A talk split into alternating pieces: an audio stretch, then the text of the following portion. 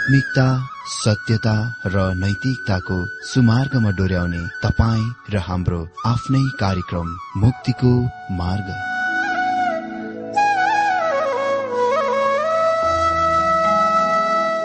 आदरणीय श्रोता यस मुक्तिको मार्ग कार्यक्रममा हार्दिक स्वागत छ। आशा छ यस आत्मिक कार्यक्रमद्वारा जीवनमा आत्मिक आशिष अलौकिक शान्ति र आनन्द प्राप्त गर्नुहुनेछ। र जीवनमा धन्य अनुभव गर्नुहुनेछ। आउनुहोस् श्रोता मन र आत्माको तयारीको लागि यो मिठो अनि मधुर भजन गीत सुनौ।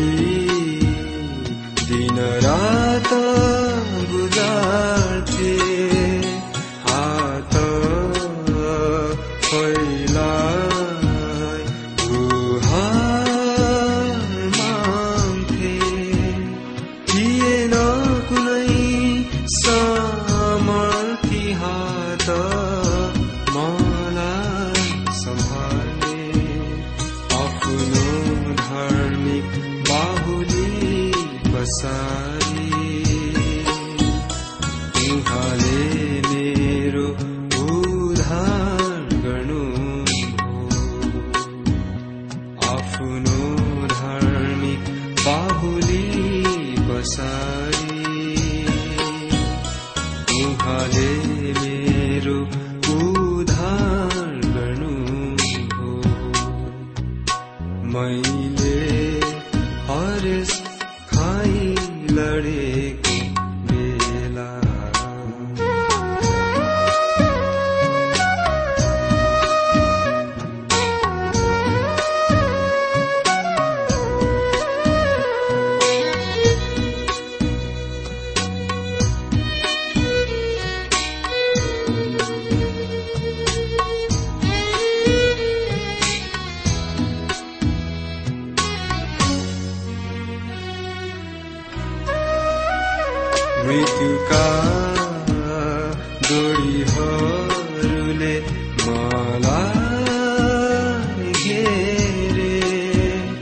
be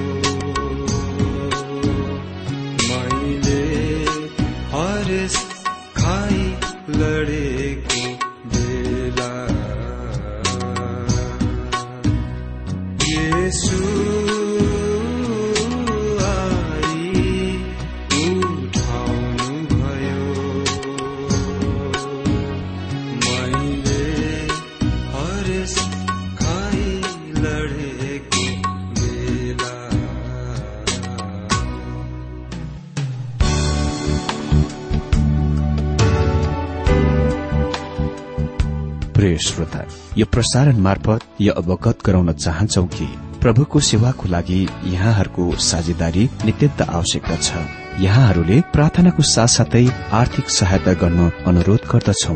तपाईँहरूको सानो भन्दा सानो भेटी किन नहोस् हामी प्रभुको नाममा स्वीकार गर्नेछौ प्रभुको सेवाको लागि। तपाईँहरूको यो सानो लगानीले कसैको जीवनमा भिन्नता ल्याउँछ अनि प्रभुको महिमा हुन्छ।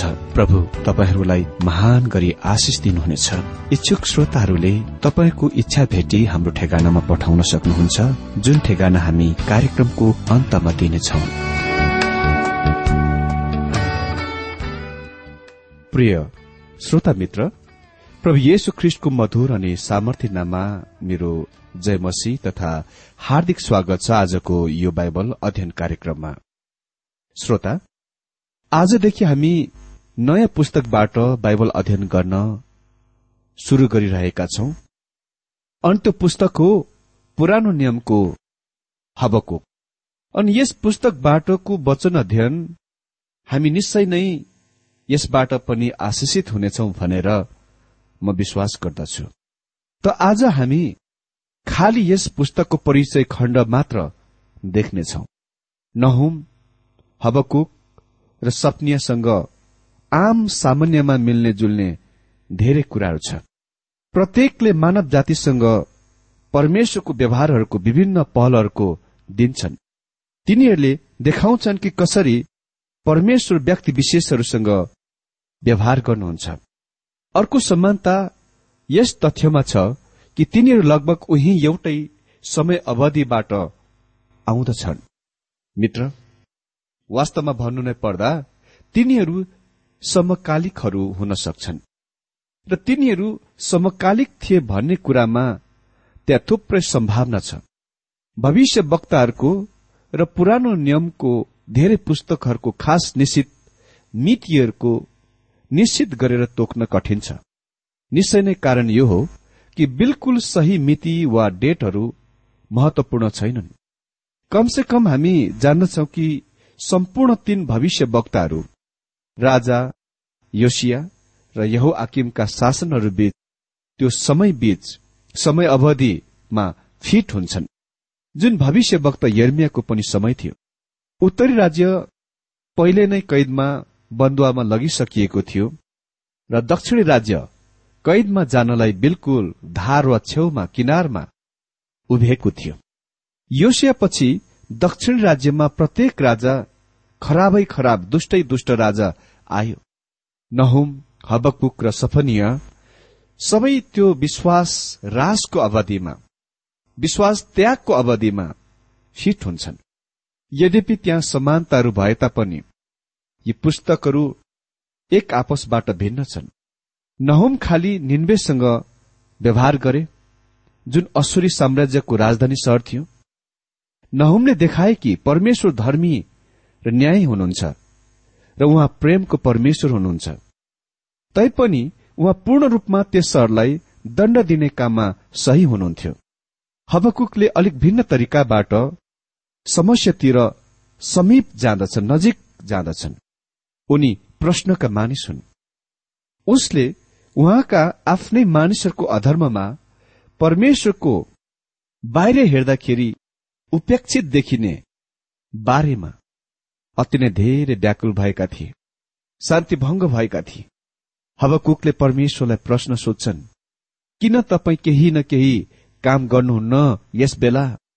हाम्रा दिनहरूमा धेरै मानिसहरू हबकुकले जस्तो सोध्छन् विचार गर्छन्। तिनीहरू प्रश्न सोधिरहेका छन् किन परमेश्वर केही न केही गरिरहनु भएको छैन? किन उहाँ मानिसहरूका मामलाहरूमा चाल चल्नुहुन्न? र हिंसा अन्य अत्याचार र कष्ट दुःखको रोक्नुहुन्न? परमेश्वरले हबकुकको प्रश्नको उत्तर दिनुभयो।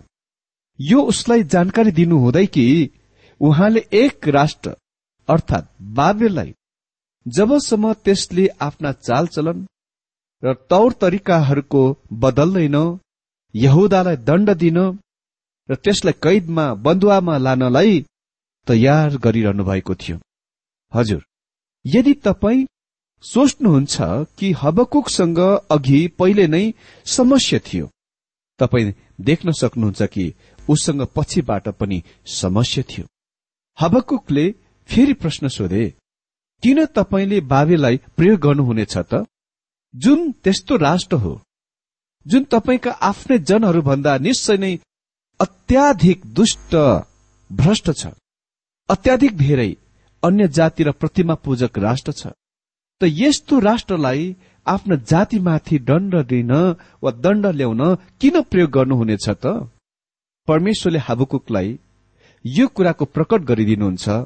वा बाबिलसँग व्यवहार गर्ने कामको पूरा गरिसक्नु भएको छैन। अन्त गरिसक्नु भएको छैन।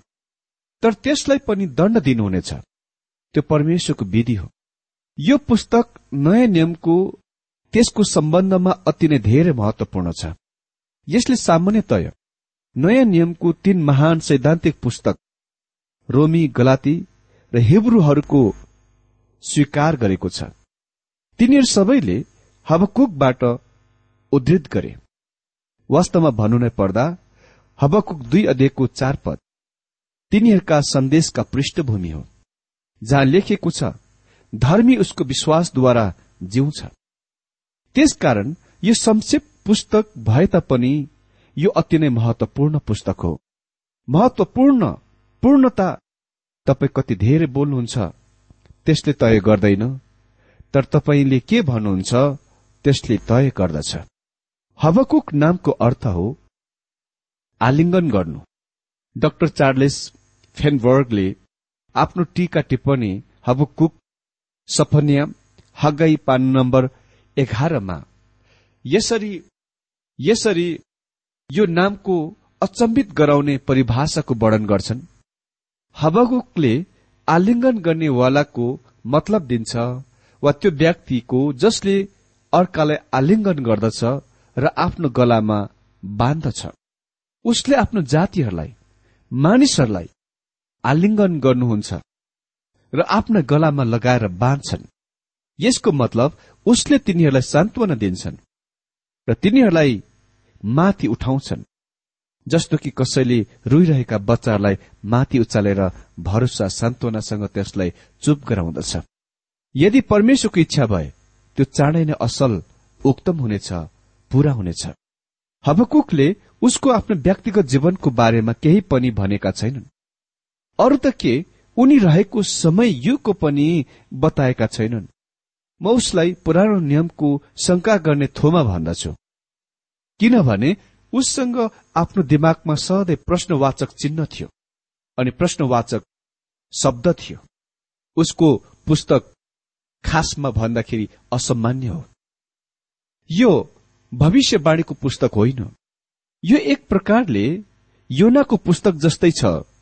त्यस कुरामा कि हबकुकले परमेश्वरसँग आफ्नो अनुभवको परमेश्वरको वा परमेश्वरलाई उसको प्रश्नहरूको र परमेश्वरको उत्तरहरूको बताए भने हामी त हामी यो पुस्तक भविष्य वक्ताको व्यक्तिगत अनुभव हो जुन कवितामा वा पद्यमा बताइएको छ जस्तो कि योनाको अनुभव चाहिँ गद्यमा बताइएको थियो। हबकुक अति नै चाखलाग्दो व्यक्ति हुन् र उसले उक्तम साहित्यिक सुन्दर पुस्तक लेखेका छन्।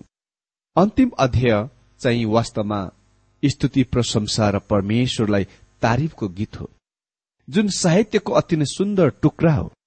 यो पुस्तकमा अन्त गर्ने कथन निष्कर्ष गर्ने कथन संगीत निर्देशकको निम्ति मेरा तार वाद्यहरूमा बजाइने राख यसले यो प्रकट गर्दछ कि यो पुस्तक गीत हो भजन हो। त्यो सानो नोट त्यहाँ कोयर गायक संगीतकार झुण्ड दलको निर्देशकको लागि राखिएको थियो। हबकुकको अन्तिम पुस्तक सुन्दरताको भजन हो। वास्तवमा भन्नु नै पर्दा सम्पूर्ण भविष्यवाणी बहुमूल्य चिज हो। यसको एसी गेबेलियनद्वारा छन्दबद्ध अनुवादमा अनुवाद गरिएको छ। डेलिसेसले लेखे सम्पूर्ण पुस्तकभरि हबकुकको भाषा उत्कृष्ट छ जुन सुन्दर शब्दहरू भरिएको छ। मुरे हाउसले लेखे हबकुकको पुस्तक त्यसको ऐश्वर्यशाली पद्य वा कविताको लागि प्रसिद्ध र प्रतिष्ठित छ। यो सानो पुस्तक विषाद धुन्दलापनमा आरम्भ हुन्छ खोलिन्दछ र महिमामा अन्त हुन्छ बन्द हुन्छ। यो प्रश्नवाचक चिन्हसँग आरम्भ हुन्छ र विस्मयादी बोधक चिन्हसँग अन्त हुन्छ। हबकुक अति नै ठूला प्रश्नवाचक शब्द किन हो? उसको दिमागमा खालि प्रश्नै प्रश्नले भरिएको छ। उसको दिनमा किन भन्ने प्रश्नवाचक चिन्हले भरिएको छ। उसले सोध्छन् वा उसको प्रश्न यो हो किन परमेश्वरले खराबको दुष्टताको अनुमति दिनुहुन्छ? अनि यो कुनै त्यस्तो प्रश्न हो जुन प्रत्येक गम्भीर विचार गर्ने मानिसहरूले सामना गर्दछन् र सामना गरेका छन्। म सोच्दछु कि यो पुस्तक त्यस प्रश्नको उत्तर हो। के परमेश्वरले संसारका अन्य बेइन्साफको सोझ्याउनुहुनेछ? अन्य अत्याचार बेइन्साफको ठिकठाक गर्नुहुनेछ। यस पुस्तकले यस प्रश्नको उत्तर दिन्छ। के परमेश्वर संसारको गलत कुराहरूको बारेमा केही गरिरहनु भएको छ? यो पुस्तकले भन्छ कि हाँ उहाँले निश्चय नै केही न केही गरिरहनु भएको छ। मेरो विचारमा नयाँ नियमको थोमाको शंका र पुरानो नियममा हबकुकको शंकाको र आधुनिक मानिसको शंकाको एक आपसमा अर्थात् किन को कम गर्न घटाउन सम्भव छ? यो मानव जातिको मौलिक आधारभूत प्रश्न हो। जब हामी सम्पूर्ण प्रश्नलाई निच हर भिन्नमा भाजक संख्या वा रेखाको तल्लो अङ्कमा घटाउँछौ होच्याउँछौ हामी आधारभूत यो प्रश्नमा आउँछौ किन? तपाईँ देख्न सक्नुहुन्छ कि हबकले प्रश्न लगभग नहुमको सन्देशको ठिक विपरीत छ उल्टो छ। नहुमको पुस्तकमा परमेश्वर दण्डमा चाल चलिरहनु भएको छ र प्रश्न यो थियो कसरी परमेश्वर प्रेमको र दण्डको परमेश्वर हुन सक्नुहुन्छ जस्तो कि उहाँ गरिरहनु भएको छ। यहाँ हबकुकमा यहाँ बिल्कुल ठिक उल्टो विपरीत हुनुहुन्छ। किन परमेश्वरले संसारमा खराबी दुष्टताको बारेमा केही पनि गरिरहनु भएको छैन? हबकुकको पुस्तकको मुख्य विषय हो विश्वास। हबकुकलाई विश्वासको भविष्य वक्ता पनि भनिन्छ। हबकुक दुई अध्ययको चार पदको सबभन्दा महान कथन हामी विश्वासद्वारा बाँच्नेछौ। नयाँ नियममा तीनपल्ट उद्धृत गरिएको छ। जस्तो रोमी एक अध्यय सत्र गलाती तीन अध्ययको एघार पद र हेब्रू दश अध्ययको अडतिस पदमा। त्यसपछि हामी यस पुस्तकको रूपरेखा पनि हेरिहालौं। सबभन्दा पहिले एक अध्यायमा हामी मुख्य विषयको रूपमा देख्छौ भविष्य वक्ताहरूको व्याकुलता। अनि यसै मुख्य विषय अन्तर्गत हामी निम्न विषयहरू देख्नेछौ। पहिलो एक अध्यय पद एकदेखि चार पदमा भविष्य वक्ताको पहिलो प्रथम समस्या। किन परमेश्वरले खराबीको अनुमति दिनुहुन्छ? अनि एक अध्यय पाँचदेखि दश पदमा परमेश्वरको उत्तर। पद छ अनुसार परमेश्वरले कल्दीहरूलाई अर्थात् बाबेललाई आफ्ना जनका राष्ट्र पदार्थलाई दण्ड दिन खड़ा गरिरहनु भएको छ। आफ्ना जनको वा राष्ट्र यहुदालाई अर्थात् बाबेललाई आफ्ना जन आफ्ना जनका राष्ट्र यहुदालाई दण्ड दिन खड़ा गरिरहनु भएको छ। अनि तेस्रो एक अध्यय बाह्रदेखि सत्र पदमा भविष्य वक्ताको तेस्रो समस्या जुन पहिलो समस्या भन्दा अझ ठूलो थियो कि परमेश्वरले आफ्ना जनहरूलाई दण्ड दिन तिनीहरूभन्दा धेरै दुष्ट राष्ट्रलाई प्रयोग गर्नु भयो किन उहाँले कल्दीहरू वा बाबेलाई नष्ट गर्नु भएन? अनि त्यसपछि दोस्रो मुख्य विषयको रूपमा देख्छौ हबकुक दुई अध्यायमा। भविष्य वक्ताको बोध वा ज्ञान। अनि यस मुख्य विषयको अन्तर्गत हामी निम्न विषयहरू देख्छौ दुई अध्यायको एक पदमा भविष्य वक्ताको अभ्यास। अनि उसले गोप्य स्थानमा लगे। दोस्रो दुई अध्यय दुई र तीन पदमा भविष्य वक्ताको धीरज। उसले दर्शनको लागि पर्खे। अनि तेस्रो दुई अध्ययको चार पदमा भविष्य वक्ताको लागि भव्य दृश्य। मानवतामा महान विभाजन। एक समूह जो अति नै धेरै कपटी हुन्छ जो विनाशतिर गइरहेको छ अर्को समूह जो विश्वासद्वारा परमेश्वरतिर बढ़िरहेको छ जो अपरिहार्य कुरा हो। अनि चौथो दुई अध्यय पाँचदेखि बीस पदमा भनिएको भविष्य वक्तको दृष्टान्त हेरौं। लागु चाहिँ यो दर्शनबाट स्वयं सिद्ध छ। कल्दी वा बाबेलवासीहरूलाई पनि नष्ट गरिनेछ परमेश्वर राष्ट्रहरूका बीचमा चाल चलिरहनु भएको छ। अनि तेस्रो मुख्य विषय तीन अध्यायमा हामी देख्छौ भविष्य वक्ताको हर्ष खुशी अनि यस मुख्य विषय अन्तर्गत हामी फेरि निम्न विषयहरू देख्नेछौ। पहिलो तीन अध्याय एक र दुई पदमा भविष्य वक्ताको प्रार्थना। यस भविष्य वक्ता जसले सोचेथे कि परमेश्वरले खराबीको बारेमा केही पनि गरिरहनु भएको थिएन अहिले उहाँले अहिले उसले उहाँलाई कृपालु दयालु हुन स्मरण गर्नलाई बिन्ती गर्दछन्। अर्को शब्दमा अनुग्रही हुनलाई बिन्ती प्रार्थना गर्दछन्। के उनी डराइरहेका थिए? कि परमेश्वरले अति नै धेरै गरी त्यस्तो गरिरहनु भएको थियो? दोस्रो तीन अध्यायको तीनदेखि सत्र पदमा परमेश्वरको कार्यक्रम योजना। परमेश्वर पद आठ अनुसार उद्धारको आफ्नै रथमा र ऐश्वर्यपूर्ण सवार गर्नुहुन्छ। अनि तेस्रो तीन अध्यय अठार उन्नाइसमा भविष्य वक्ताको स्थान अवस्था पद अठार अनुसार उनी रमाउनेछन् हर्षित हुनेछन्। उनी कष्ट पीडाबाट आनन्द सुखमा आराममा आएका छन्। मित्र अर्को दिनदेखि हामी यही रूपरेखाको आधारमा परमेश्वरको वचन अध्ययन हबुकुकको पुस्तकबाट गर्नेछौ। परमेश्वरले तपाईँ सबैलाई धेरै धेरै आशिष दिनुभएको होस्।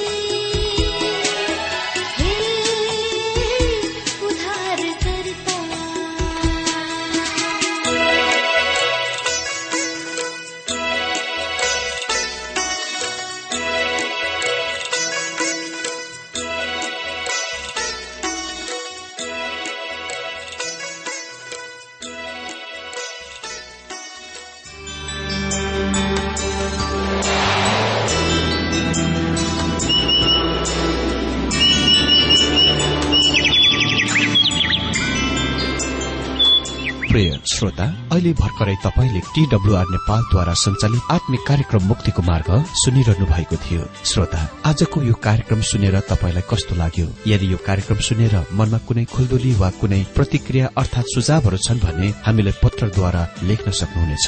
हामी हृदयदेखि नै स्वागत गर्नेछौ स्वीकार गर्नेछौ साथै बाइबल सम्बन्धित प्रचारहरू कार्यक्रम सारणीहरू हामी अनुरोधमा पठाउन सक्छौ। अनि तपाईँसँग कुनै प्रार्थनाको विषय छन् भने हामीले तपाईँको लागि प्रार्थना गरेको चाहनुहुन्छ भने प्रभुमा आफ्नै परिवार सम्झेर हामीलाई पत्रमा लेख्न सक्नुहुनेछ। तपाईँको लागि हामी प्रभु येशुसँग प्रार्थना गर्नेछौ। अधिक जानकारी र पत्रचारको लागि हाम्रो ठेगाना यस प्रकार छ। कार्यक्रम मुक्तिको मार्ग जीपीओ नम्बर उनानब्बे पचहत्तर एपीसी पच्चिस एकसठी काठमाडौँ। ठेगाना एकपल्ट सुन्नुहोला। कार्यक्रम मुक्तिको मार्ग जीपीओ नम्बर उनानब्बे पचहत्तर एपीसी पच्चिस एकसठी काठमाडौँ। हाम्रो इमेल एड्रेस हो TWR Nepal at Yahoo dot com साथै यस नम्बरमा एसएमएस गर्न सक्नुहुनेछ। अन्ठानब्बे चार सत्तरी पैंतिस छ सय उनासी नौ आठ चार सात जिरो तीन पाँच छ सात नौ। हुन्छ श्रोता आजलाई हामी विदा चाहन्छौ। अर्को कार्यक्रममा हामी पुनः भेट्नेछौ तबसम्मलाई नमस्कार।